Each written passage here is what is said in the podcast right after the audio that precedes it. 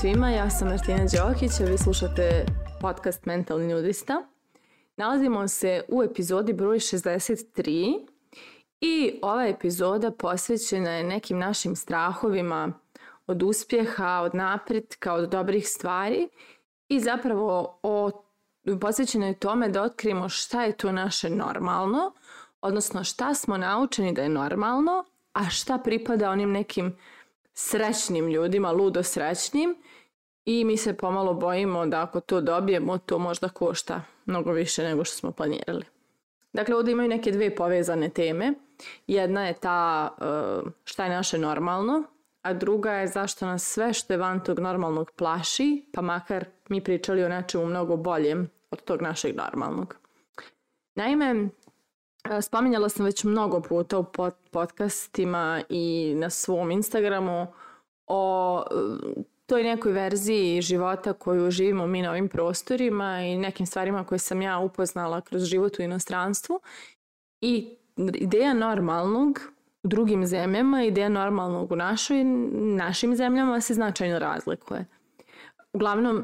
razlikuje se po tome što ljudi u nekim razvijenim zemljama imaju mnogo veće očekivanja od svog života, od vlade, od, od sistema i slično i ta očekivanja im bivaju ispunjena. A mi smo prilično pomireni s tim da ne može bolje i onda puštamo da sistemi se ponašaju na načine koji su apsolutno neetički i nelogični i toksični i slično. I sad ovo kad spustimo na neki mikronivo, ja sam, na primjer, kada sam se preselila u Austriju, Uh,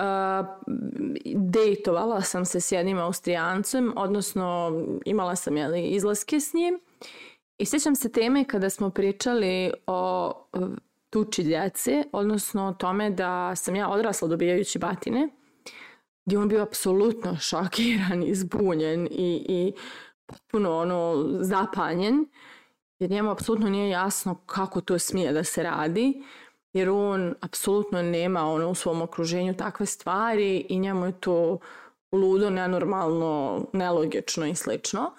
A ja sam rasla u sistemu u kojem je to bilo sasvim normalno i što je najjače ili najcrnije i dalje je to poprilično normalno. I e, sjećam se baš tog jaza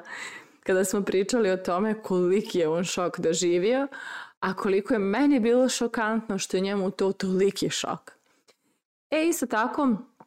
sjećam se i sebe iz nekih ranijih mojih faza ljubavnih, koliko sam smatrala da je normalno da se urla kada ste s nekim u odnosu i vezi, koliko je normalno da se povisuje ton, koliko je normalno da se koriste teške riječi kada se rešavaju neki problemi,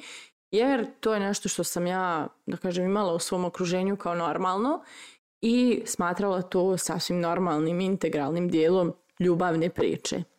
Međutim, postepenim temeljnim radom na sebi, svojim obrazcima, shvatanjima i razmišljanjima, došla sam do toga da to apsolutno nije normalno, nego je vrlo toksično,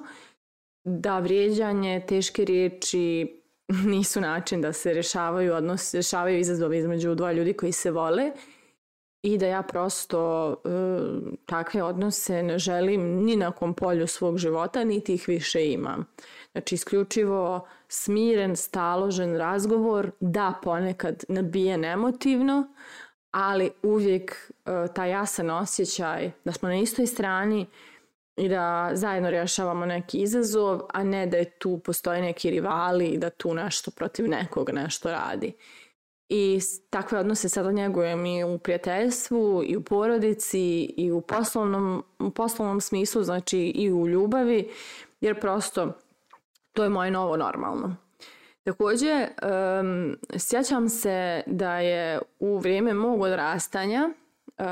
normalno bilo da svi upisujemo fakultet i da je to jedini način da se stekne neki uspjeh da bi sada se našli u svijetu u kojem je normalno i da ne mora tako, odnosno da naravno da postoje akademske stvari, akademski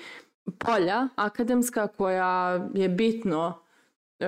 da kažem obličiti kroz, kroz formalnu edukaciju, ali postoji evo čitava jedna popularna sfera zvana IT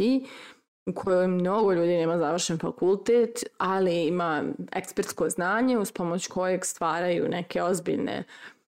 promjene bizniste, uspjehe i slično. Također, e, često gledam ljude da im je normalno da rade u poslu u kojem su jako istresirani, da budu u poslovnom sistemu u kojem postoji mnogo nekih znamki, mnogo nekih um, zle krvi što bi se reklo i da bukvalno gledaju kao normalno to da su da, da rade i funkcionišu u poslovnom sistemu u kojem postoji ogromno rivalstvo, klanovi, mm, negativni komentari, neka ta kultura koja je puno onako negativno i toksično nabijena i to ljudi vide kao neki normalni integralni dio svog posla. Takođe, ljudi gledaju kao normalno to da idu da rade mnogo sati dnevno posao koji ne vole, da se osjećaju konstantno isfrustrirano, nezadovoljno i neispunjeno zbog tog posla,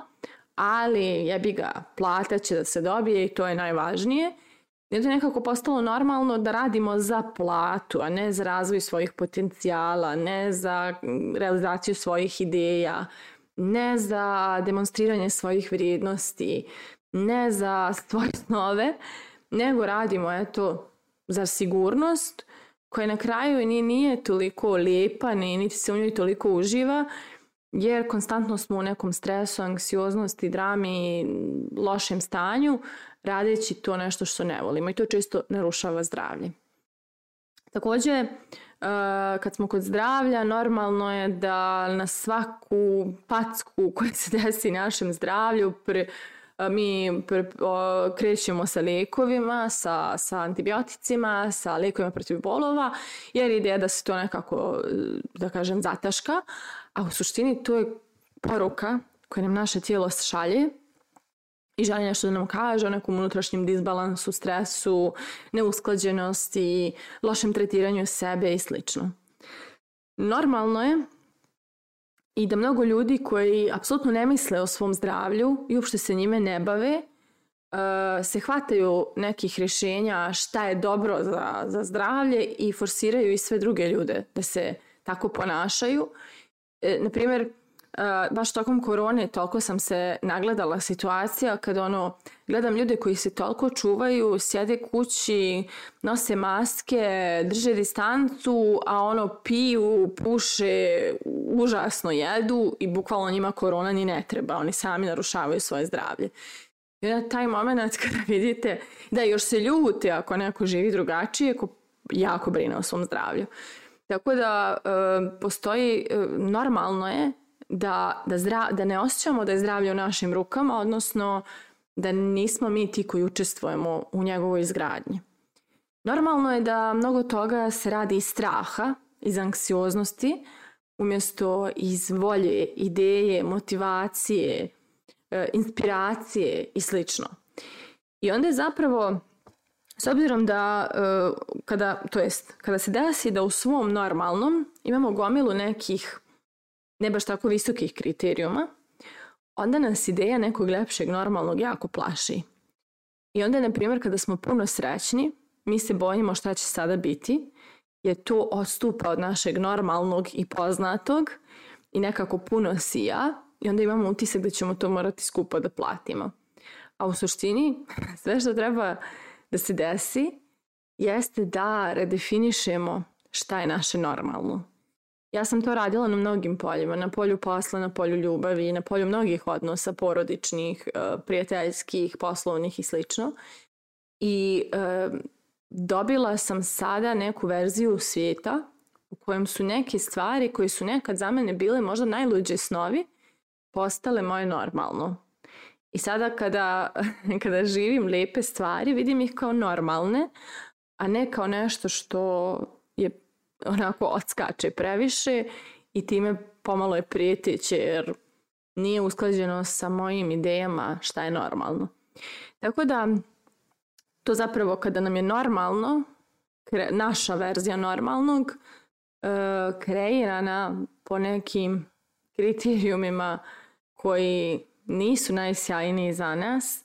onda je sve što jeste dobro za nas zapravo neki ludi, nedostižni san umjesto nešto dohvatljivo i normalno. Tako da moje pitanje za kraj ove epizode je šta je vaše normalno i da li je to nešto što je jako dobro po vas. Mislite o tome, a mi se družimo u narednoj epizodi.